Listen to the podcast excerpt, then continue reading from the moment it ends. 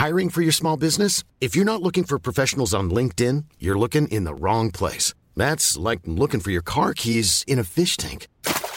LinkedIn helps you hire professionals you can't find anywhere else, even those who aren't actively searching for a new job but might be open to the perfect role. In a given month, over 70% of LinkedIn users don't even visit other leading job sites. So start looking in the right place. With LinkedIn, you can hire professionals like a professional. Post your free job on linkedin.com slash people today.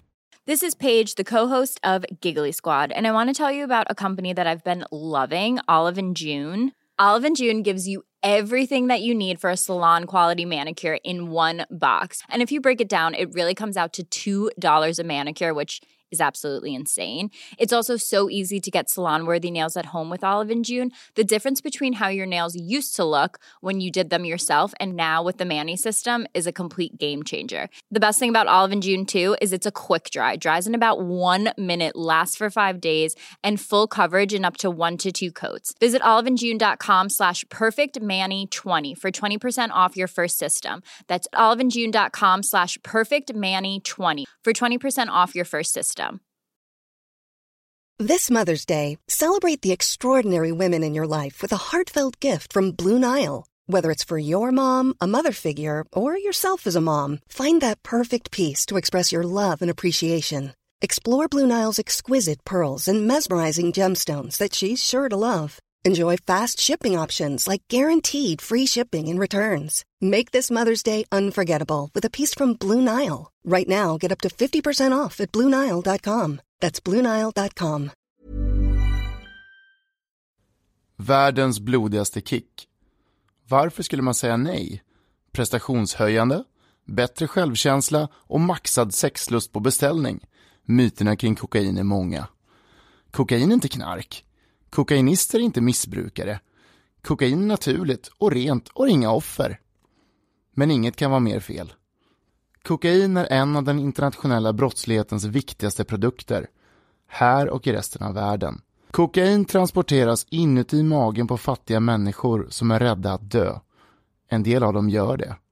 Kokain förflyttar förmögenheter från laglydig medelklass till organisationer som sliter kroppar i stycken, halshugger och våldtar. Kokain korrumperar länder, undergräver demokratiskt valda regeringar och får militärer att begå massmord. Kokain är utan tvekan en av de droger som skapar mest lidande i hela världen. Du lyssnar på Ångestpoddens serie Vi måste prata om droger och idag träffar vi Mattias Voltaire, före detta kokainmissbrukare.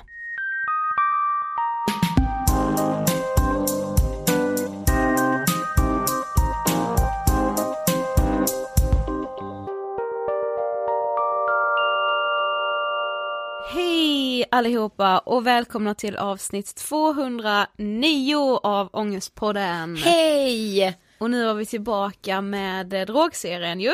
Alltså jag har varit så taggad på det här och jag har längtat så mycket att få vara tillbaka i serien eftersom vi nu har tre dunderavsnitt framför Ja, oss. vi körde ju tre avsnitt av den här serien eh, några veckor innan jul. Eh, och har ni inte lyssnat på dem så vill jag ju verkligen först och främst rekommendera er att göra det för de är väldigt bra och starka. Och jag tycker ändå vi ska passa på att tacka för all otrolig respons vi har fått på de, på de avsnitten. Ja. Tack så jätte, jättemycket alla ni som har skrivit, som har delat, som har kunnat känna igen er i berättelserna eller i någon anhörig kanske. Ja, och man kan ju faktiskt känna igen sig i personerna, även om man inte har samma bakgrund med liksom drogmissbruk.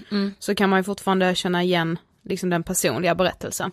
Men du innan vi eh, fortsätter så texten som ni hörde i början om kokain den kommer från en bok som heter Kokain, drogen som fick medelklassen att börja knarka och länder att falla samman. Eh, och eh, ja, anledningen är ju helt enkelt att dagens ämne är kokain. Men du, innan vi ändå kastar oss in på eh, dagens ämne så nämnde jag förra veckan att jag ville prata lite om programmet eh, Andes och hans 23, nej vad, jag, An- J- Anders, jag och hans 23 andra kvinnor. där har vi det.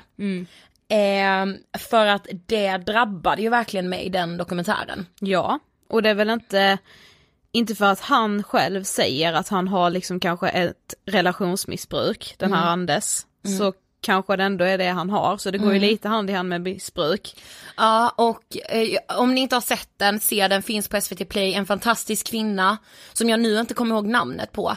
Men som gör den här eh, dokumentären eftersom hon då börjar dejta Anders. Sen uppdagas en historia av att han samtidigt har dejtat 23 andra kvinnor. Ja. Och det låter typ som ett skämt. Nej men och den här kvinnan är ju dokumentärfilm Precis. skapare. Så hon bestämmer ju sig ganska snabbt för att göra en dokumentär om Anders. Ja. Och det är så jävla intressant att se det. Alltså, Nej men alltså jag golvades. ja. Sen är ju liksom historien helt sjuk men jag tror att väldigt många har varit i den här kvinnans sits. Sen kanske inte mannen eller kvinnan som man har träffat som har då varit otrogen typ har varit med 23 andra. Nej nej absolut inte. Men alltså det är hela det här med alltså den här Flykten. Alltså, ja dels flykten från någonting inom honom. Mm. Men också hennes jakt på att finna kärleken. Mm. Och Och hennes hopp ja, alltså du vet det här Alltså hoppet. just det här, för mig ska han ändras. Alltså att bara hela tiden vilja vara den människan som är den här godtrogna, som vill kunna lita på personens ord. Precis. För dig kommer jag förändras, eller med dig är det ändå, ändå annorlunda. Och man bara så är vill inte vara den personen som är cynisk och som inte tror på Nej. den man är kär i. Och därför väljer man Ja, att vet. lita. Nej, och får vet. hela tiden bevis på att man inte kan göra det. Ja men jag vet. Och det, alltså det, det är ju det som drabbar en alltså, så hårdast. Mm. Att, alltså, att se hur hon liksom så här förlorar mer och mer hopp. Mm. Men att sen minsta lilla sak med Anders bygger hoppet igen. Ja. Eh, jag tror att det är lätt att sitta och vara eh, domare när man tittar på det här. Att hon gör fel, hon gör si, hon gör så. Mm. Medan jag är eh, 110% övertygad om att alla kan hamna där. För Ja, att kärlek gör ju en galen. Och för Eh, att koppla det liksom till dagens ämne eller den här serien så är det ju liksom ändå lite samma sak om man liksom dejtar eller är tillsammans med eller kanske till och med gift med någon som missbrukar droger eller alkohol Mm. och personen hela tiden säger att man ska sluta, Precis. man ska söka hjälp, Ja. man ska liksom verkligen bryta med det här missbruket man har men man gör ändå inte det för det är ju en Nej. sjukdom, det går inte liksom. Precis. Men eh, jag eh, tänker mig att vi snart ska kicka igång avsnittet. Jag är Mm. så jäkla taggad på det. Men först så kanske vi ändå ska berätta att så här, vi tar ju inte upp alla droger i ett eget avsnitt. Amfetamin har inget avsnitt. Nej. Heroin har ju ja, kind of ett eget avsnitt men det är inte just att vi fokar på, på den drogen. Drogen. Eh, varför vi liksom har valt att ändå ta upp kokain. Men det är väl för att eh, vi känner att det är en drog som, precis som ni hörde här i början på den här texten som läses upp, att det är den här festliga drogen som är lite fin och som, vadå alla tar den liksom och, och det, alltså så här, Med det sagt, vi gör alltså inte det, men, men, men så här, att snacket bland många, främst unga människor så här att, ja men vadå, det är väl inte så farligt att det är mer så här, det är lite coolt. mm, och det är ju sjukt mycket droger ute i nattklubbsvärlden, framförallt kanske, men och det finns ju överallt. Precis. Men liksom när man ändå själv är en person som har varit ute ganska mycket så förstår man också hur mycket droger det finns. Och hur normaliserat det är. Ja precis, och att kokain ju faktiskt kan förstöra, utplåna allt ifrån relationer till liv. Ja. Eh, men idag har vi med oss en helt otrolig människa som heter Mattias Voltaire. Och vi blev ju tipsade av en vän till oss, Emily, om Mattias. Och jag blev så glad för han var så himla på direkt och han bara, det är klart att vi ska prata om det här. För som sagt så är han före detta kokainmissbrukare. Eh, men har idag helt vänt sitt liv och idag är, behandlar han. Eh, Vilket jag tror är helt rätt. Alltså jag Ja. tror att Alltså de som är de bästa behandlarna är många gånger de som har egna erfarenheter av det man ska behandla. Samma sak liksom med mycket annan psykisk ohälsa. För man har sån förståelse och kan liksom prata och sätta ord på missbruket på ett sätt som inte någon som har haft det själv kan göra. Och Mattias är alltså diplomerad alkohol och drogterapeut Mm. och driver sin, e- sitt egna företag. Mm. Eh, vi berättar mer om det efter intervjun tänker jag. Yes. För nu rullar vi intervjun med Mattias Voltaire om kokain. Varsågoda! Hej Mattias och hjärtligt välkommen till Ångestpodden! Hej! Det ska bli så spännande det här. Jag spelade in en snap när vi gick hit med Sofie och bara Vad ska vi podda om nu? Så vi bara kokain! Så här jätteglad. jag bara ja. Fast det ska bli väldigt spännande. Eh, men först ska du berätta, vem är du? Vem jag är? Ja, alltså egentligen en ganska vanlig kille, 43 år, eh, tre barn, familj, eh, bor i radhus. Så ser det ut idag. Eh, så har det inte alltid sett ut. Vad tänker du på när du hör ordet ångest? Alltså för mig är det ju avtändning av kokain. Eh, jag, det är det jag kan relatera till när det kommer till ångest. När jag har varit ute och knarkat i flera, flera dagar. Ligger i fosterställning och är helt handlingsförlamad och bara gråter och vill dö. Eh, jag ja, ser ingen utväg. Vad händer? Alltså jag bara kom på det nu direkt så här, men alltså när man har avtänd, en avtändning. Alltså vad händer då liksom både psykiskt och fysiskt? Ja, alltså det, det som händer är ju, alltså, för att vanliga människor ska kunna relatera kan man säga bakis. När du är bakis, fast hundra gånger värre. Alltså, eh, drogerna lämnar ju, ja, drogerna lämnar kroppen kan man säga. Så att du är helt, ska man säga, själsligt våldtagen. Alltså du är helt käns alltså under ett missbruk eller under ett rus av droger, vilka droger som helst, så, så händer ju massa saker i hjärnan. Eh, dopaminet går ju upp på högvarv, allt, alla känslor. Du blir ju helt euforisk och när det där lägger sig, då blir du helt tom. Då går du ner under normal nivå. Vilket gör att du mår ju känslomässigt jätte, jätte dåligt. Eh, så man ligger ju och skakar och du har abstinens och ja, man mår fruktansvärt dåligt. Eh, men som sagt, idag ska vi ju prata om kokain. Och vi tänker så här innan vi börjar om någon sitter och lyssnar och bara vad är egentligen kokain för någonting? Ja, kokain är ju en drog eh, som framförallt framställs i Sydamerika. Kommer från kokaplantan. Eh, som man maler sönder, man tillsätter lite kemikalier, aceton eller bensin och sådär och, och gör eh, ett pulver av det.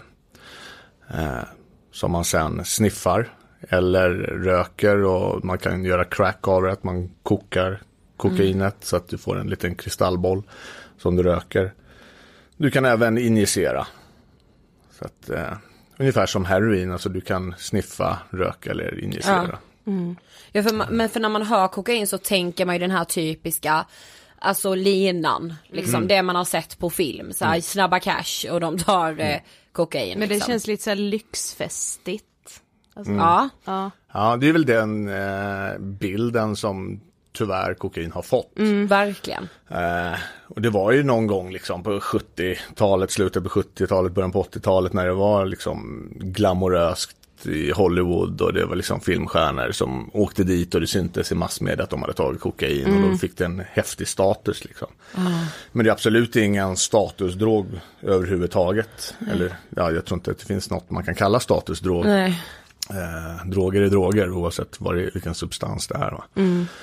Eh, och det är extremt beroendeframkallande och extremt farligt.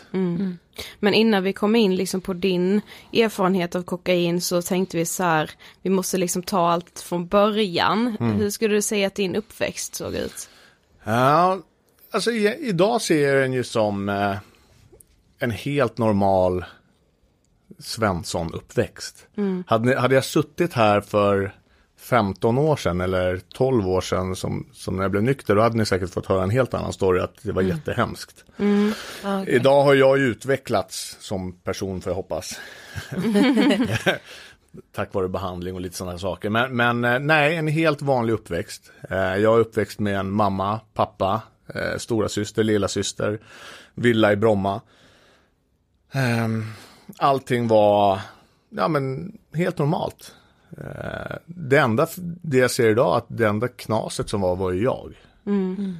Att jag kände mig, sen, ända sedan jag var liten och tittade tillbaka, så har jag känt mig på något sätt annorlunda än andra människor. än mina kompisar då. Och det, idag vet jag att det var beroendesjukdomen. Den är ju ärftlig och den är genetisk. Den, jag, jag föds med den. Mm. Ja. Men på vilket sätt kände du det annorlunda? Eh, jag vet, alltså det är jättesvårt att sätta fingret på. Jag var aldrig liksom direkt mobbad i skolan. Nej. Jag var aldrig den som mobbade. Nej. Jag kanske däremot var klassens clown lite. Jag hade någonstans ett bekräftelsebehov av att liksom synas, mm. bli sedd, bli älskad. Ja. Eh, och jag hade nog i vissa avseenden hade väldigt bra självförtroende men jag hade också fruktansvärt dålig självkänsla. Att jag, när någon, alltså jag kunde ta till mig saker och må fruktansvärt dåligt av det. Mm. Om någon till exempel sa att jag var dålig i skolan eller någonting så mm. mådde jag extremt dåligt och gick och ältade det här i flera, flera dagar, månader. Så jag kände mig på något sätt lite annorlunda, lite ensam. Mm. Fast jag var aldrig ensam. Men det var en känsla jag bar inne inom mig då. Men jag tror, alltså jag kan liksom, alltså andra gäster vi har haft här har beskrivit det här på samma sätt men kanske inte satt fingret på det så mycket som du gör mm. nu. Alltså jag tror att många kan gå och bära den. Mm. Och som du säger nu att så här, det, alltså att det kan vara beroendesjukdomen, mm. alltså redan då när man är mm. väldigt, väldigt liten.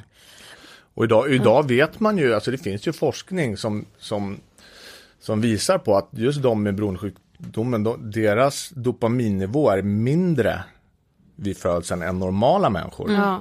Och det som händer med mig då när jag får i mig till exempel kokain som var min huvuddrog, ja. det är att min dopaminnivå stiger så extremt mycket. Ja. Så att om en normal människa skulle ta det så stiger den lite grann och de får ett härligt rus. Ja.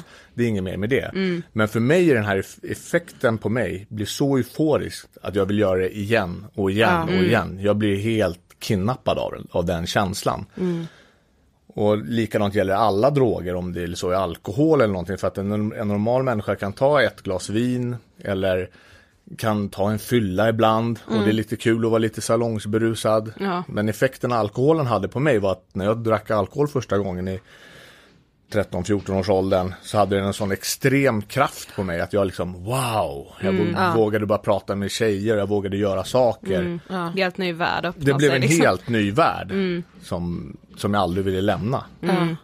Men vi tyckte det var jätteintressant för vi lyssnade som sagt på dig i Beroendepodden. Ja. Och där beskrev du att när du var liten så kunde du så här, stjäla pengar från dina föräldrar för mm. att du skulle gå och köpa godis. Mm. Alltså varför gjorde du det? Ja, det, det är precis det, det jag beskrev, att, att äh, bli omtyckt. Mm. Jag stal pengar ur mammas plånbok och det här, jag gick låg eller mellanstadiet tror jag. Eh, köpte godis på rasten, tog lite godis själv men gav bort det mesta för att bli omtyckt av mina kompisar. Mm. Och sen så gick det ju här över i andra beteenden att jag började snatta. Mm. Jag kunde inte ta liksom hur mycket pengar som helst. Jag mm. snattade godis och gav till kompisar för att de skulle gilla mig. Mm. Och sen, sen eskalerade hela det här eh, med att göra till exempel bus eller göra, mm. ja, vi kunde vara och bada vi, och så skulle vi hoppa från ett, ett hopptorn eller där de tog upp eh, segelbåtar, så här master, så här master ja. ett, ett torn.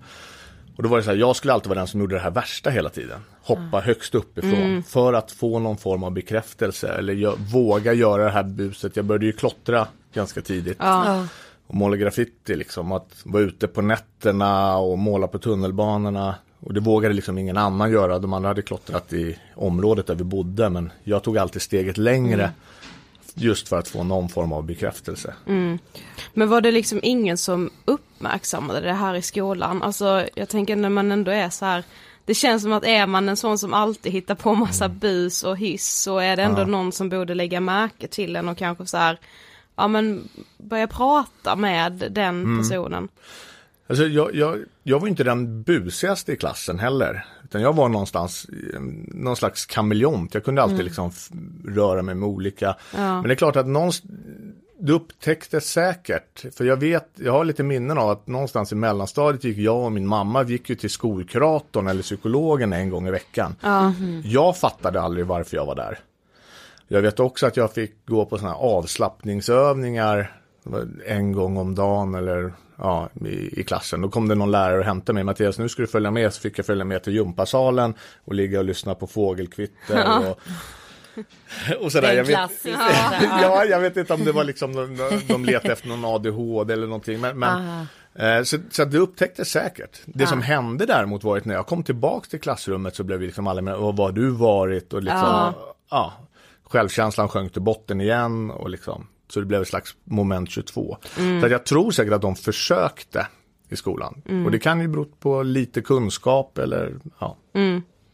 Jag vet inte. Men du var inne på det lite innan just alltså första gången som du drack alkohol. Mm. Hur gammal var du då? Jag tror att jag var 13 år. Kan du minnas, alltså kan Jag, du jag, minnas vet, första jag, gången? jag vet exakt, ja, ja jag minns precis vad det var. Det var vid Islandstorgets tunnelbanestation ute i Ängby. Eh, jag hade snott uh, massa sprit eller, ja, hemifrån mina föräldrar. Jag hade bett en äldre eh, kompis till min stora syster köpa ut folköl. Och vi, ja, vi var ett gäng där helt enkelt som, som drack. Och jag drack eh, och jag fick, alltså den här känslan alltså, som jag beskrev, den blev för mig helt extremt, alltså jag blev så euforisk och älskade effekten alkohol hade på mig. Vågade prata med folk, vågade göra tokiga saker utan att liksom vara rädd. Alltså mina rädslor försvann och jag, ja, jag blev någon helt enkelt. Och sen kräktes jag och mådde fruktansvärt dåligt. Och där tänker man ju då, det, det borde ju varit en läxa. det kanske är en läxa för, för normala människor, men dagen efter när jag vaknade upp, då var det första tanken var, ah, jag vill att det ska bli lördag igen. Jag redan där liksom, fast jag hade liksom kräkts ner en hel tunnelbanevagn och det liksom hade spårat ur. Så första tanken var det här vill jag göra igen. Just att jag mådde dåligt den här lilla tiden, eller den långa tiden, eh, den existerade inte. Jag kom bara ihåg det roliga. Ja. Men när blev det sen droger första gången? Jag tror någonstans, alltså jag målade ju graffiti och jag började sniffa sprayfärg. Så att eh, jag sniffade sprayfärg eh, och drack väldigt mycket eh, under ganska många år. Jag provade också att röka hasch, jag provade att röka marijuana för det, det skulle man göra, alla gjorde ju det. Men det hade inte den effekten på mig som det kanske hade på andra. Jag tyckte bara att man blev trött och seg och låg och åt chips liksom. Så jag gillade inte den effekten alls. Så att eh, amfetamin och kokain det kom in ganska sent i mitt liv. Det var någonstans 18-19 års åldern eh, som jag fick i mig amfetamin första gången. Men hade du så här förstått att det var problematiskt ändå att så sniffa sprayfärg eller var det bara så här någonting du gjorde? Det var bara en rolig grej. Ja. Eh, Jag såg det ju bara som en kul grej. Det hade en eh, snabb effekt och det liksom, ja, man blev hög i, i några minuter liksom och sen så gick det ut och det var liksom roligt. Men du gick med i något så här punkgäng också, eller du var liksom Ja, precis. Jag, jag har ju spelat trummor, min pappa spelade trummor, min farfar spelade trummor. Så jag, började, jag har spelat trummor sedan jag var liten. Ja. Eh, Så jag har spelat lite olika band och sådär och jag började spela i punkband. Um, blev punkare någonstans i tonåren. Var väl det fram till jag var 25 kanske, väldigt länge. Eh, och där var det också att jag böt liksom umgängeskretsar inom liksom punkkulturen. Alltså att ena, ena halvåret så hängde jag med den här typen av punkar, andra halvåret så var det skinheads eller så var det liksom, ja. Så det var hela tiden, jag, jag böt umgängeskrets hela tiden. Och skulle väl försöka hela tiden vara värst också. Men var det mycket liksom alkohol och droger med Ja. i bilden hela tiden då? Ja, framförallt alkohol. Väldigt Ja. mycket alkohol var det. Eh, vi drack ju jämt. Eh, varje helg. Jag kommer ihåg någon gång det var så här sommarlov. Och då, då hade vi druckit varje dag från skolavslutningen till skolan började. Oj. Och det var mer liksom, så var det. Och sen var det väl en del testade droger. En del höll på med droger. Men som sagt, jag började ju ganska sent. Och det var ju väl egentligen av en en, en ren slump egentligen. Jag hade några som höll på lite med amfetamin men jag var så här, nej det där, alkohol räcker gott och väl för mig. Och så hängde jag med ett gäng då från eh, Blackeberg, Grimsta och vi var, spelade fotboll nere på Grimsta fältet. Och en, en vän till oss la ner lite amfetamin i allas öl. Och vi spelade, en, jag kunde inte sluta spela fotboll. Jag sprang en hel natt. Och vi spelade fotboll då, gjorde vi. Och, och då upplevde jag den här känslan igen som jag hade när jag, var, när jag provade alkohol första gången. Ja. Att den här eu- euforin, liksom wow, vad är det här liksom? Jag, jag hade inte känt den här känslan förut. Och där, då blev det så här, och då berättade han att nej men det, du har tagit lite amfetamin. Och jag var så här, var- ja. fan har jag missat under alla de här åren? Liksom? Det här är Varför har du inte sagt något? Ja, precis. Och det var så här, fan vad har jag gått miste om? Det, det här var ju liksom, det var det bästa som kunde ha skett. Ja. Och, och då var det liksom, jag kunde inte, och sen den dagen, jag ska inte säga att jag, att jag såg, jag såg mig inte själv som narkoman eller knarkare, utan nu var det, det var ju fortfarande fest. Men sen den dagen så tittade jag nästan ner på personer som inte tog amfetamin. För det var så här, men fattar ni inte vad ni går miste om? Ja. Det här är ju liksom the shit. För, Man tänker ju typ att den normala reaktionen borde egentligen vara att bli arg på sin kompis. Bara, vad fan gör du? Ja, bara du kunde ju ha frågat mig i alla fall. För det var det så här, tack! Ja, ja. ja, men det var ju så här visade mig himmelriket. Liksom. Ja. Det var så här, ja, ja, det var det bästa som fanns. Men var alla överens, alltså de andra som också fick liksom amfetamin i sin öl, tyckte alla det var nice liksom? Ja, jag tror det. Jag tror många utav dem hade visste säkert om det. Eh, och några, kanske någon blev sur, jag kommer inte ihåg. Så, men men eh, det var liksom ett tajt eh, gäng som, som vi var där som höll på med liksom ja, småbus. Det var mycket liksom fester och det var lite småkriminalitet och det var sådär. Och alla visste hur han var som gjorde det här också. Så det var mer liksom ett garvad åt det liksom. Och, Men när kom kokainet sen in i ditt liv? Ja, det, något år senare bara. Det var så att han som, han som jag fick det här amfetaminet av, han, han sålde lite amfetamin. Eh, och jag, jag blev, passade ju på att bli tillsammans med hans lillasyrra. Så var ju- Praktiskt. det var, jag tänkte inte på det då, men idag när jag tittar på det var inte därför jag blev tillsammans med henne, men, men, men idag, det, det är en lite så rolig grej. Jag blev ja. Han sålde lite amfetamin, så att, då hade man ju lite tillgång till det. Sen började han sälja kokain. Eh, Så det bara blev en naturlig övergång och, och när jag provade kokain första gången så blev det ytterligare en sån här wow-effekt. Fast den här gången var det liksom, ja, om, om amfetaminet tog mig liksom från en skala på, från 0 till 5 så var det här liksom 0 till 200. Den Ah. effekten hade det och det var så här, jag var hooked direkt. Det här vill jag aldrig sluta med, det här var det absolut bästa. Och det var liksom, ja, och kokain är ju ingen drog, liksom tänkte jag. Kändisar gör det och liksom det, ja. Det är så pass dyrt så att det, det, det här är, det är ju inte, det är ju inte ens farligt. Det, var, det var liksom min tanke. Och sen den dagen så var det liksom aldrig roligt att gå ut och bara dricka. Eh, jag vill alltid ha kokain med mig. Men det, är så, alltså, det känns ju ändå som att det är den bilden många har även idag. Att så här, det är ju bara, bara en del av festen. Ja. Precis. Att liksom så här, ja, ja, alltså jag vet inte hur det har blivit så men det känns som att det ändå är lite så här romantiserat eftersom det är kokain som syns i filmer och så.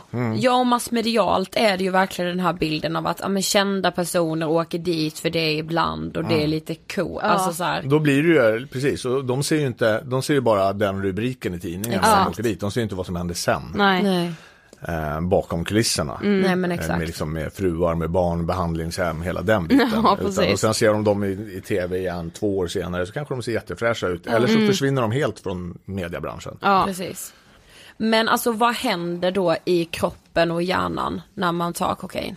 Och vad som händer är att, att eh, som jag sa, dopaminet höjs ju extremt mycket.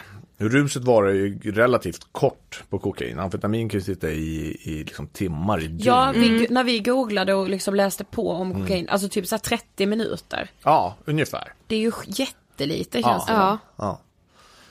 Eh, och det där är ju också något som, som avtar sen med, med användandet, att kroppen behöver mer. Men, men det som händer är att dopaminet höjs ju extremt mycket så du får, blir ju helt euforisk. Och du blir ju jätteglad, du blir sällan arg och du älskar ju allt och alla och du får en, liksom din självkänsla och självförtroende stärks enormt. Så du får ju liksom, ja, du känner dig som en kung, att du äger världen. Du är ostoppbar. Eh, och du pratar och sen så finns det de här eh, och det är väl det som det, det är själva känslan man känner. Sen så påverkar det ju extremt mycket hjärnan och hjärtat och kärlen. Alltså det är ju en enorm påfrestning för kroppen. Ja. Eh, är det. Precis som amfetamin är också. Ja. Men du Eller sa ju alla det. droger. Ja, men du sa ju det att du liksom så här blev hooked direkt Ja. eftersom det gav den extrema effekten. Men när förstod du att du var beroende? Alltså, Ja, det, det var nog många år senare. ja. Ja. Eh, utan nu, nu festade jag ju fortfarande bara. Eh, så vi, jag såg ju inte det som en, en, eh, jag såg det inte som en drog, jag såg mig inte själv som beroende eller missbrukare eller någonting. Utan Nej. ungefär som, jo, i, den, i den här åldern är det lite problematiskt. Så att nu, nu var jag väl någonstans mellan 20-25 års åldern. Och det är då folk har man har slutat, tagit studenten, du kanske pluggar på högskola eller skaffar ditt första jobb och det, livet är en fest. ja. Mm. Alla är ute och festar och dricker. Eh, en del tar kokain, en del tar, eller så tar droger, en del gör inte det. Men, men det är fortfarande livet är en fest. Så Ja. att alla var ute och festade så jag såg ju inte det här som eh, något problem. Och alla de jag umgicks med gjorde det också. Eh, sen kunde det varit att någon stod över någon helg. Eh, ja. Men, men Och då var det så här fredag, lördag, söndag typ? Ja, det behövde det inte alltid vara, utan det kunde varit liksom, ja men vi ska ut på Garbo på fredag liksom. Och så köpte man eh, ett gram och dela eller två gram och dela två stycken eller någonting. Eh, och ibland var det liksom fredag och lördag. Eh, Men om man tittar liksom över tid så blev ju festen blev ju liksom från bara fredag. Så blev det ju fredag, lördag, sen blev det fredag, lördag, söndag, sen blev det ju ja, onsdag och lillördag. Ja. Då skulle man ha lite. Så festen blev ju liksom oftare och oftare. Och framför allt det som jag märkte eller kan se nu i backspegeln är, är att liksom min sjukdom eskalerade ju hela tiden. Jag behövde göra mer och mer för att få någon form av effekt. Så att från början, då kanske jag och en kompis delade på ett gram. Medan sista tiden innan jag hamnade på behandling så var jag uppe i 10-15 gram om dagen. Oj jävel. Ja. Eh, jag- ska visa ett foto hur jag såg ut sen. Men jag vägde ju 48 kilo. Så jag såg ut som jag hade aids. För jag åt ju ingenting utan jag bara knarkade från det jag vaknade till det jag somnade. Åh, gud, men, vad... eh, men alltså jag tänkte så här. Hur, alltså var det den här kampen för att ständigt få tag på kokain eller hade du den här kompisen som sålde så att du liksom lätt fick tag på ja, det? precis. Eh, Jag kunde få tag i relativt lätt. Ja. Eh, Det var ju inte förrän kanske i slutet av mitt missbruk som, som det började bli en kamp. Mm. Det, men det var ju framförallt också då för att min sjukdom hade eskalerat så mycket att jag behövde ha så mycket kokain för att få någon form av effekt. Mm. För kokainets effekt började liksom tapp, effekten började avta. Mm. Eh, och då började det bli lite jobbigt. Och sen började det bli jobbigt att få ihop pengar till att finansiera det här. För det är, det blir, det är ganska dyr, dyrt. Va? Och, och jag märkte ju någonstans att för, första reaktionen när jag märkte att jag var lite annorlunda än mina andra kompisar. Var att vi skulle åka och möta en langare. Och så sitter vi och väntar och jag sitter helt otåligt. Och jag känner hur det liksom bubblar i magen och jag blir bajsnödig. Bara av att vänta på att min langare kommer, ska komma. Och min kompis undrar, men eh, vad är det med det liksom? Antingen kommer den eller kommer den inte. Och jag märkte att jag, jag liksom, Han måste komma. jag måste ha det. Jag satt och skakade och var tvungen att gå på toaletten. Och där upptäckte jag liksom, och då, då började de titta på mig som, fan du är ju knäpp. Och där började jag förstå att shit, det, det här är något som inte riktigt stämmer. Mom deserves the best, and there's no better place to shop for Mother's Day than Whole Foods Market. They're your destination for unbeatable savings, from premium gifts to show-stopping flowers and irresistible desserts. Start by saving 33% with Prime on all body care and candles. Then get a 15-stem bunch of tulips for just $9.99 each with Prime. Round out Mom's menu with festive rosé, irresistible berry chantilly cake, and more special treats. Come celebrate Mother's Day at Whole Foods Market. When you're ready to pop the question, the last thing you want to do is second guess the ring. At Bluenile.com, you can design a one of a kind ring with the ease and convenience of shopping online. Choose your diamond and setting. When you find the one, you'll get it delivered right to your door. Go to Bluenile.com and use promo code LISTEN to get $50 off your purchase of $500 or more. That's code LISTEN at Bluenile.com for $50 off your purchase. Bluenile.com code LISTEN. I'm Sandra, and I'm just the professional your small business was looking for. But you didn't hire me because you didn't use LinkedIn jobs. LinkedIn has professionals you can't find anywhere else, including those who aren't actively looking for a new job but might be open to the perfect role, like me. In a given month, over 70% of LinkedIn users don't visit other leading job sites. So if you're not looking on LinkedIn, you'll miss out on great candidates like Sandra. Start hiring professionals like a professional. Post your free job on linkedin.com/people today. Varför reagerar jag så annorlunda än dem? Och skillnaden också var att de kunde, efter vi har varit ute på nattklubb till klockan tre, så kunde de åka hem och sova. Det kunde inte jag. Jag fortsatte hela natten. Tills det tog slut, eller till jag tog, slut och liksom tuppade av nästan. Men det är ju också lite så här problematiskt för det är ju lite coolt, alltså här, det är lite kul att lyssna på den som har, har de här sjuka historierna från när man har festat till klockan nio dagen efter, alltså så här, ja. Precis. Men du började även själv sälja kokain, Ja, varför då? jag försökte ju. Ja. Jag var inte speciellt bra på det. Nej. Nej, det var ju för att finansiera mitt eget missbruk. Ja. Ja. Jag eh, flyttade över till Norge med, med en, en gammal flickvän och sen så var, blev jag kvar där, hon åkte hem. Och eh, jag behövde finansiera mitt eget missbruk. Jag bodde i en liten skidort som heter Trysil. Så att eh, jag började sälja kokain där för att ha råd att ta själv. Eh, men till slut började jag ta mer än vad jag sålde. Ja. Eh, så det, Det gick inte så bra. det gick inget bra. Och sen åkte jag fast där också. Och då, alltså vad, vad hände då? Åkte du tillbaka, fick man liksom åka tillbaka till Sverige då eller? Nej, så jag, jag blev ju dömd där. Och eh, sen kom jag ju tillbaka till Sverige.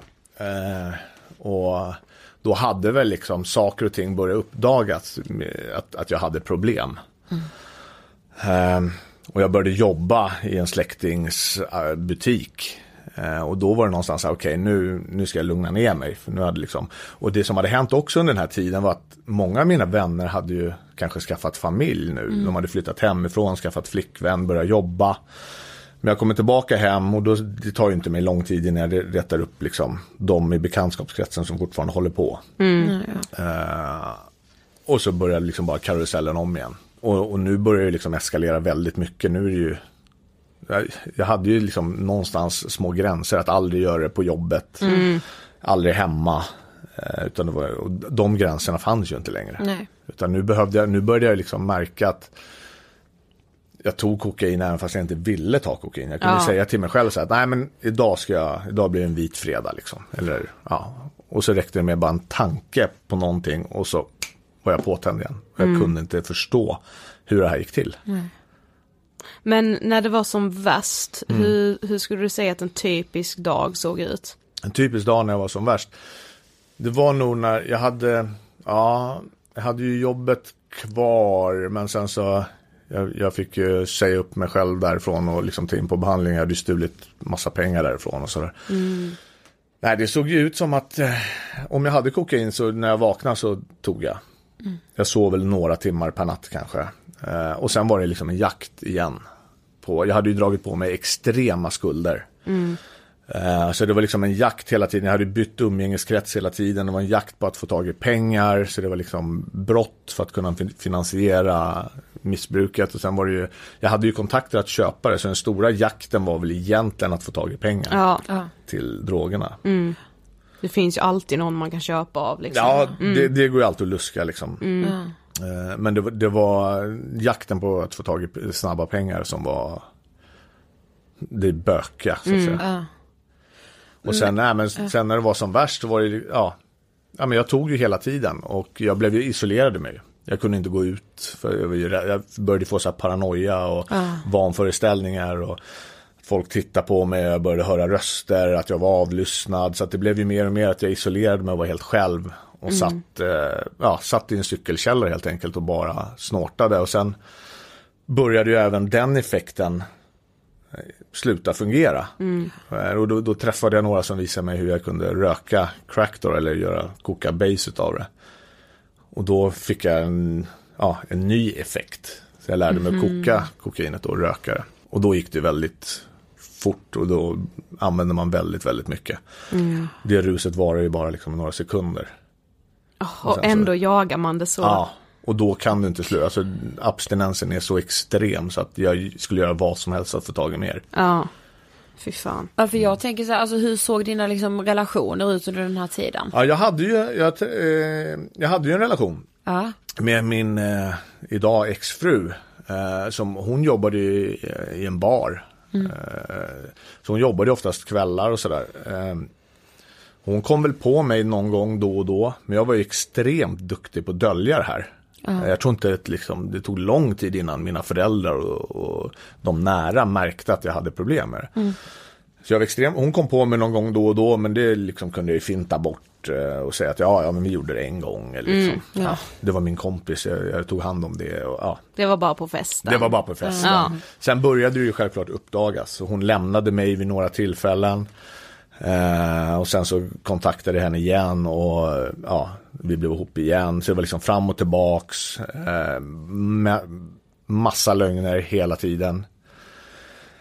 Eh, och sen fick vi ju, sen blev hon gravid. Det var ju precis innan jag åkte in i behandlingen och då tänkte jag så här att okej nu har jag en jättebra anledning att sluta knarka. Ja. Eh, men det gick inte. Det var där och liksom, det var någonstans i det skedet jag började märka att jag har riktiga problem. Att, jag liksom, att jag är narkoman. Jag kan inte sluta. Jag hade ju lovat mig själv. Jag hade ju lovat henne, jag hade lovat massa andra att sluta. Men då var det mer för deras skull. Men nu hade jag ju lovat mig själv att nu måste jag sluta för att jag, ska bli pappa. Ja, precis. Och, och jag står liksom påtänd på BB och kan inte ja, sluta helt enkelt.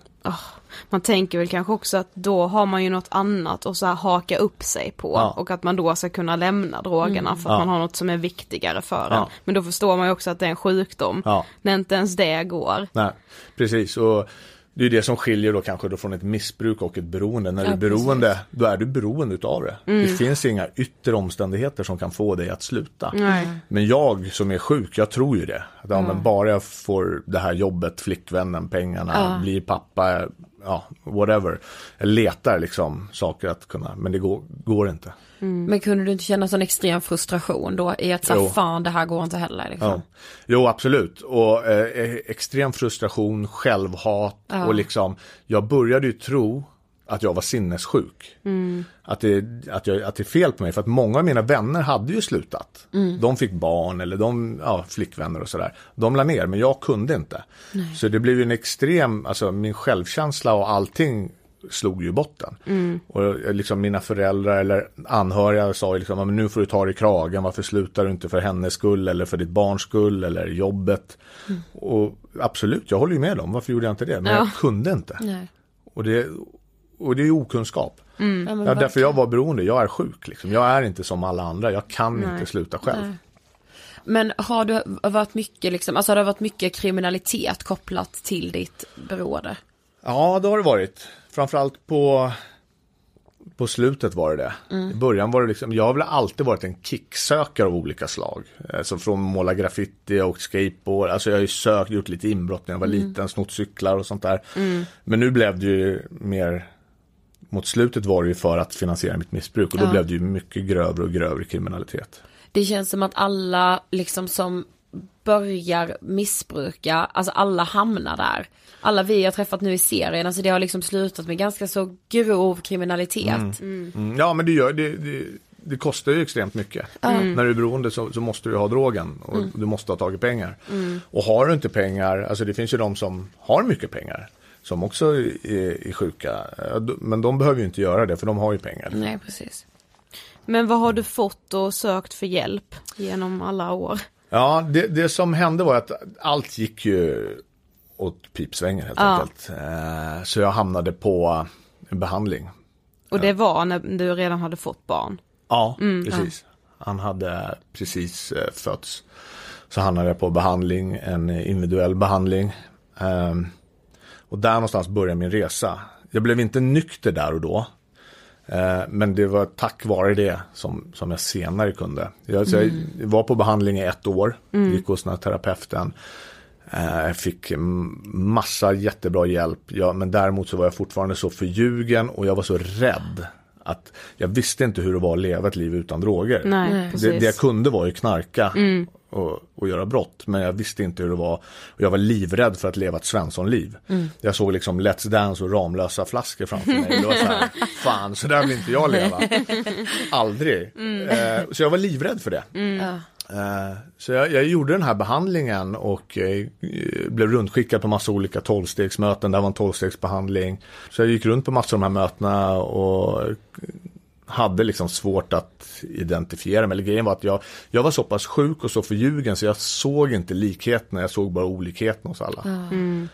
Eh, Jag lyckades skrapa ihop lite drogfri tid under, under den här eh, behandlingen och, och sådär.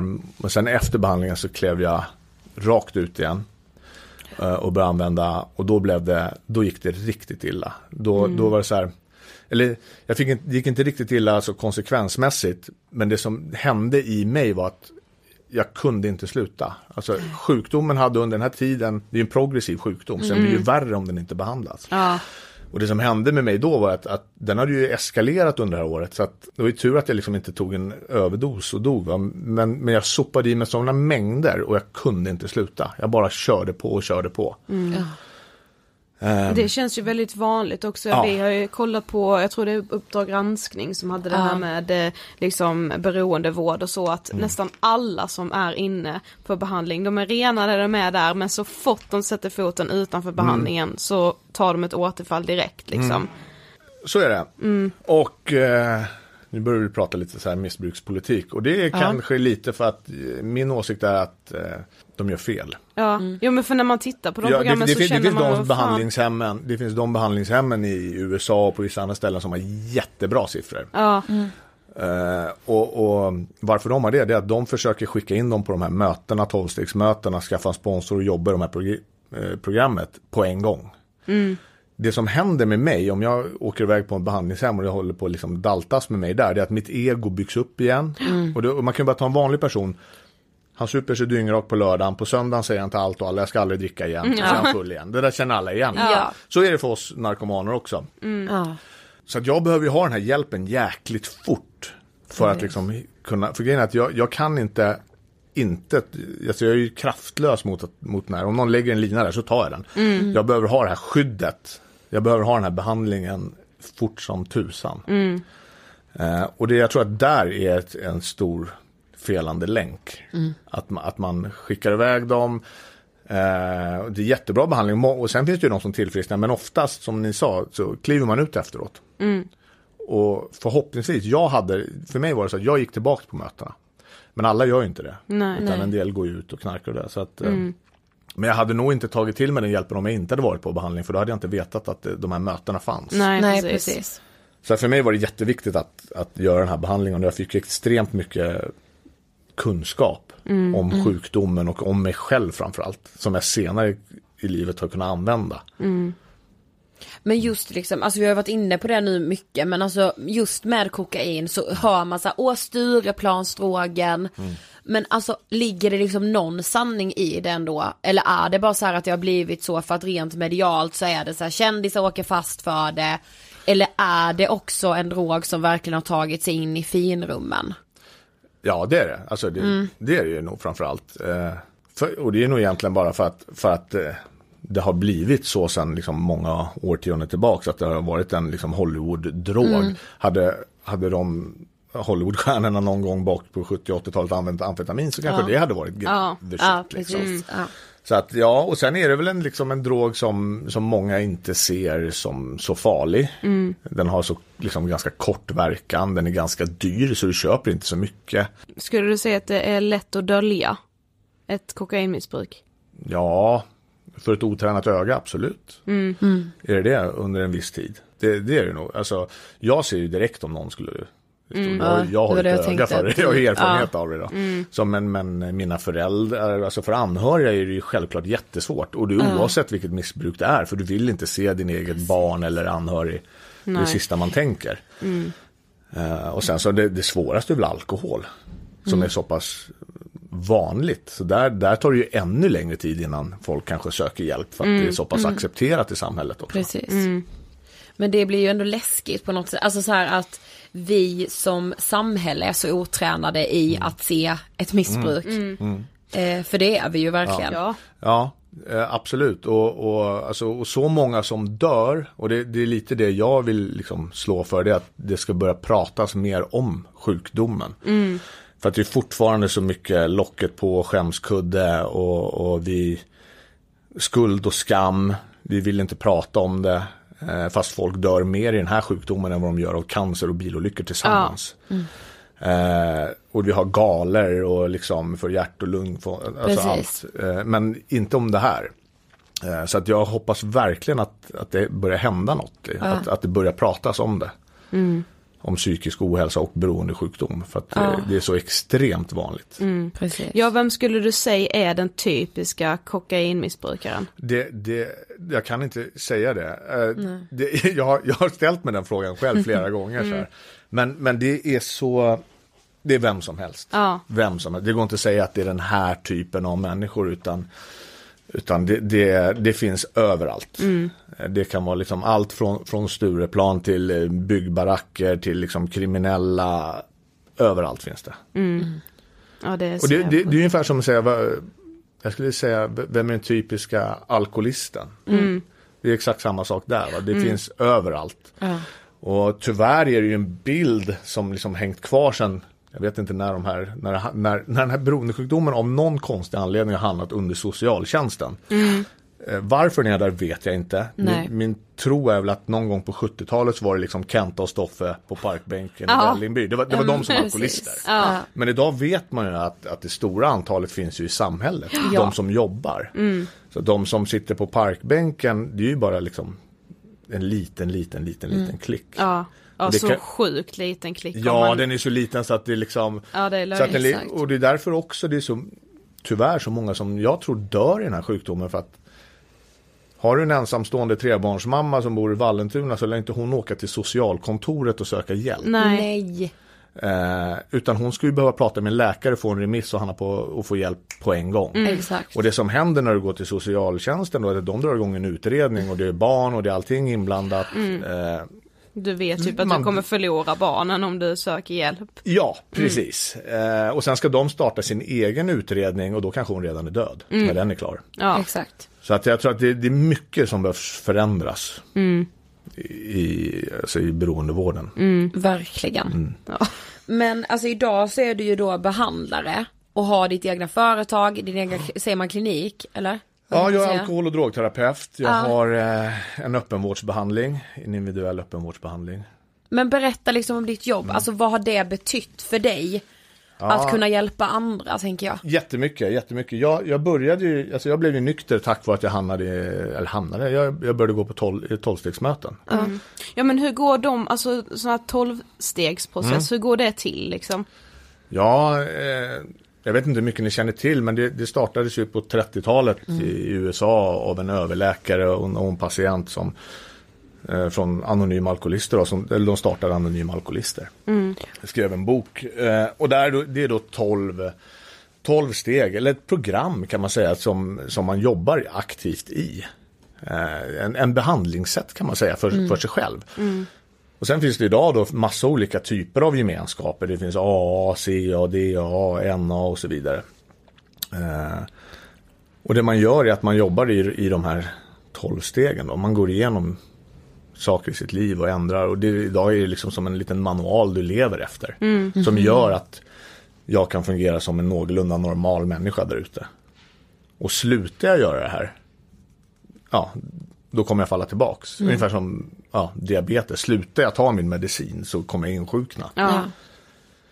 Så. Och det har ju funnits och det ja, finns över hela världen. Och det är väl det som jag tror är det mest framgångsrika som har funkat under så pass lång tid mot, mot eh, beroende.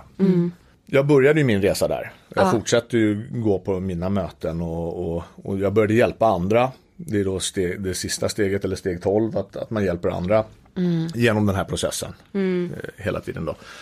Och när jag hade ungefär sju, åtta års nykterhet så blev jag, var jag väldigt så här, intresserad. Att jag vill veta mer. Eh, vad är det som ligger, vad är det som händer i hjärnan, kroppen? Vad, jag ville veta mer om, om beroendesjukdomen. Så det, det var en av liksom, de stora eh, frågorna som jag gick och bar på och som fick mig att börja plugga till alkohol och drogterapeut. Ja. Så läste jag till det och eh, liksom varit väldigt intresserad av hur liksom beroendevården fungerar i Sverige. Och ser liksom väldigt mycket olika luckor som inte, ja, där det saknas helt enkelt. Mm. Och, och då har jag och min eh, kollega då spånat lite på det där och vi, vi startade den här öppenvårdsbehandlingen. Den är helt privat än så länge. Eh, det är lite svårt ibland att få avtal och, och såna här saker. Men jo, den är ju då framförallt eh, individanpassad. Så den är anpassad efter de som kanske, de som kanske fortfarande har arbete eller då som vi säger, den här ensamstående mamman kan inte åka iväg på en internatbehandling. Utan då skräddarsyr vi en behandling som passar klientens ja, liv helt enkelt. Eller då en eh, toppsäljare, chef som inte heller kan åka iväg. Eller ja, en vanlig arbetare som ja, inte kan sjukskriva sig och åka iväg på en internatbehandling. Och det, det som jag märkte också på många internatbehandlingar att man tar en gr- grupp olika klickar människor och slänger på samma ställe. Ja, då kanske du har en kåkfarare där eller en parkbänksalkis där och en Östermalmstjej där. Ska de sitta i samma rund? och- Mm, jag tror inte det går så bra. Nummer ett Nej. är att du måste kunna relatera. Precis. Vi tog action på vår idé och startade det här. Så himla bra. Men jag tänker typ så här att tröskeln är ganska hög för att söka hjälp. Alltså eller har jag rätt då? Ja, Ja. det är den, den sista som inser att, att eh, den har problem, det, är- det är ju narkomanen själv. Eller jag själv. Jag, och det är det som är det läskiga med den här sjukdomen. Hade jag haft cancer så vet ju alla så här, men Mattias, du ska vara på strålbehandling på Huddinge sjukhus klockan sju varje kväll. Ja. Jag hade varit där, sju var, jag hade inte ifrågasatt det. Problemet är med den här sjukdomen som också liksom är, jag är ju sjuk i huvudet också. Det är det som är det svåra med det här. Jag, jag, jag kunde ju sitta med facit och se alla konsekvenser och veta att shit, jag kommer knarka ihjäl mig. Men min hjärna säger till mig att äh, det här fixar du själv. Eller nästa gång kommer det bli bra. Eller bara du gör det här eller det här. Så det är det som är det läskiga. Det är därför många, alltså, ja det är svårt att ha förtroende för en narkoman. Va? Han ljuger när, när, när han säger hej. Och jag ljuger för mig själv. För, för att jag, hela, jag tror ju att jag säger sanningen. Att jag kommer fixa det här bara jag får ett jobb eller en flickvän eller en bil eller whatever. Och att jag kommer lösa det själv. Men, Och det är därför en behandling är väldigt bra. Ja. Att man börjar liksom bygga upp det här och liksom förklarar. För att jag själv kunde inte, jag trodde att jag var sinnessjuk. Jag förstod inte. Jag låg ju liksom i fosterställning och grät och liksom ville ta mitt liv. För att jag fattar inte vad det var för fel. Varför kan jag inte sluta? Och där lovade jag, liksom, jag knäppte mina händer och jag sa till liksom alla runt omkring mig att det här var sista gången. Och jag liksom stod och grät och bara, jag lovar. Två dagar senare var jag påtänd igen och jag kunde inte fatta varför. Men när förstod, vad var det som fick dig att förstå att du liksom lider av den här beroendesjukdomen? Det var behandlingen. Där fick jag ju massa fakta om det här. Liksom, jag matades full av, av liksom av den här terapeuten som själv har varit nykter i många, många år. Så att jag fick väldigt, väldigt bra verktyg och väldigt bra kunskap om det. Eh, och sen, ja, jag visserligen klev jag ut direkt efter behandlingen, men den här faktan satt ju kvar i skallen. Ja. Shit, han hade helt rätt. Jag är rökt. Jag måste göra det här, det här programmet, jag måste gå på de här mötena. Liksom. Jag har inget annat val. Och jag mådde så pass dåligt så jag var liksom beredd att göra precis vad som helst. Eh, Så jag, liksom, ja, jag kravlade mig tillbaka till de där mötena och, och bad om hjälp. Men om någon lyssnar nu och tänker så här, eller som, som kanske eh, missbrukar kokain eller som ser det bara som någonting som tillhör festen. Mm. Alltså vad skulle du vilja säga till den personen? Det där, det där kan ju vara två olika personer som du beskrev. Eller Ja, jo, en- men verkligen. Alltså om det är någon som missbrukar eller är beroende så, så, så vill jag jättegärna hjälpa den personen. Mm. Eh, Och jag hoppas ni kanske kan länka till, till mig efteråt eller Självklart. Mm. något sånt där. Eh, För att, för att är, är man fast i det här så är det, det är kört. Alltså man klarar det inte själv. Mm. Jag har aldrig sett någon klara hoppa av ett missbruk om det är beroende. Mm. Och sen är det ju svårt att veta om någon är beroende eller inte. Eh, Det kanske liksom är en period i ens liv man, man festar hårt. Eh, Det kan inte jag sitta och av, avgöra här utan det får man nästan prata med, med personen om. Men hjälp finns att få. Eh, Det är väl framförallt det viktiga och våga ta hjälp. Och våga höra av sig och liksom för att jag vill inte, jag brukar säga, jag, jag vill inte att min värsta fiende ska gå igenom det måendet jag hade Nej. sista åren av mitt missbruk. För att jag mådde så fruktansvärt dåligt. Jag ville bara liksom ta mitt liv. För jag kunde inte, jag skadade bara allt och alla runt omkring mig och mig själv. Okej vi har kommit till sista frågan. Mm. Vad inspirerar dig? Oj, alltså jag, det var en svår fråga för det är så mycket som inspirerar mig idag. Alltså det, mina barn, eh, mina föräldrar, min, alltså det, ja, det är massor.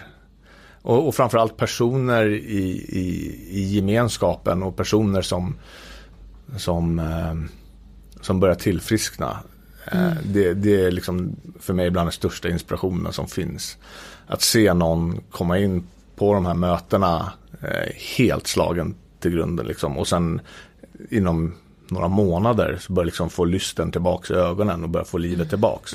Det, det är en sån känsla som, det går inte att beskriva med ord här utan, utan eh, det är så magiskt att man måste se det själv för att kunna ja, känna den.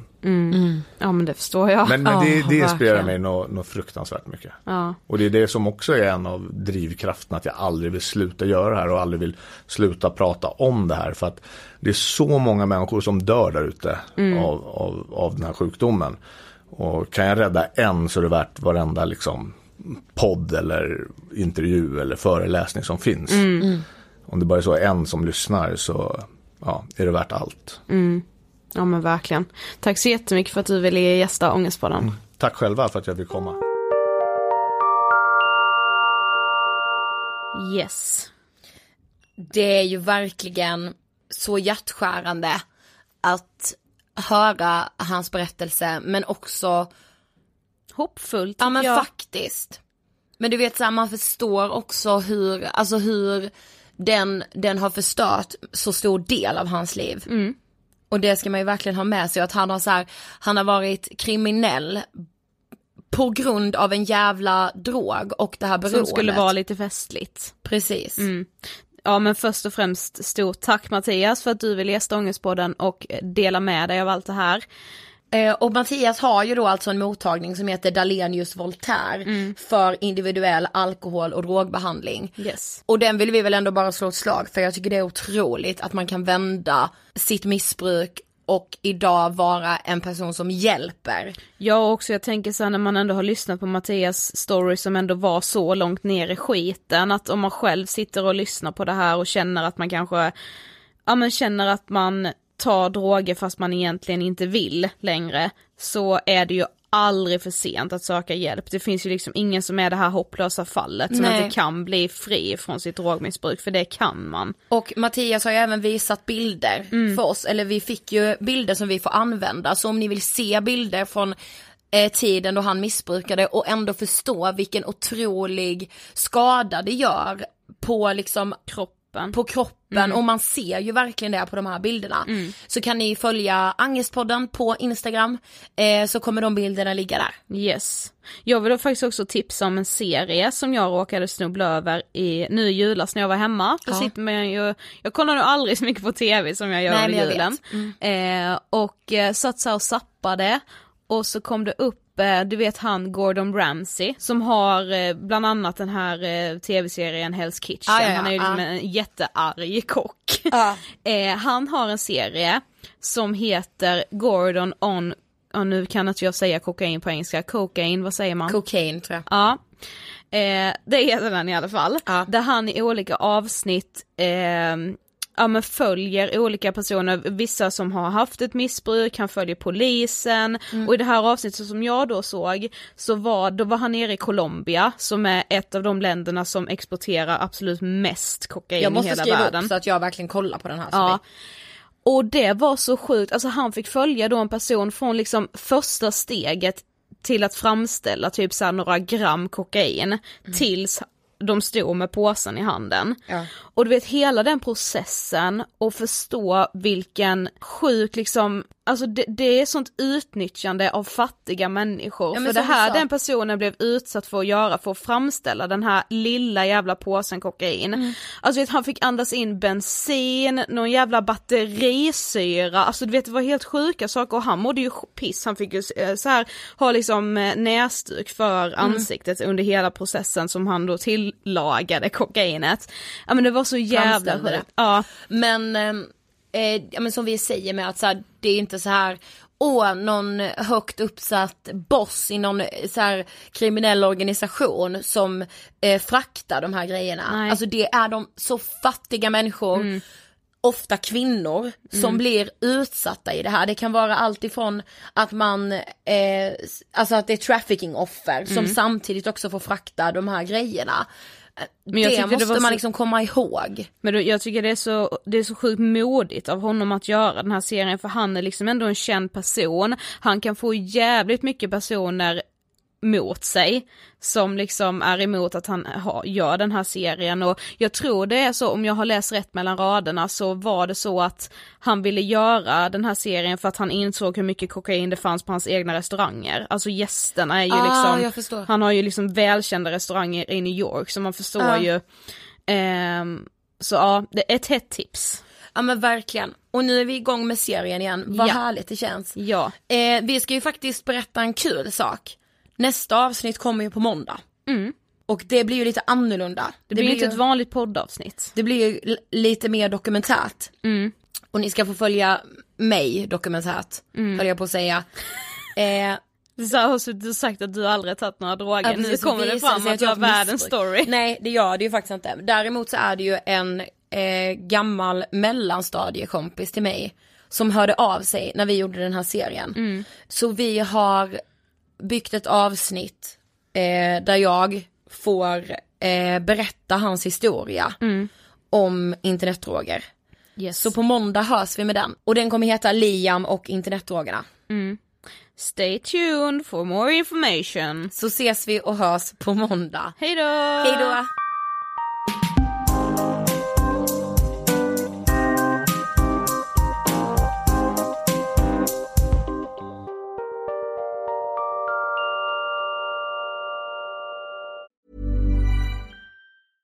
Want flexibility? Take yoga. Want flexibility with your health insurance? Check out United Healthcare Insurance Plans. Underwritten by Golden Rule Insurance Company, they offer flexible, budget friendly medical, dental, and vision coverage that may be right for you. More at uh1.com. A lot can happen in three years, like a chatbot may be your new best friend. But what won't change? Needing health insurance. United Healthcare Tri Term Medical Plans, underwritten by Golden Rule Insurance Company, offer flexible, budget friendly coverage that lasts nearly three years in some states. Learn more at uh1.com. Planning for your next trip? Elevate your travel style with Quince. Quince has all the jet setting essentials you'll want for your next getaway, like European linen, premium luggage options, buttery soft Italian leather bags, and so much more. And is all priced at 50 to 80% less than similar brands. Plus, Quince only works with factories that use safe and ethical manufacturing practices. Pack your bags with high-quality essentials you'll be wearing for vacations to come with Quince. Go to quince.com slash pack for free shipping and 365-day returns.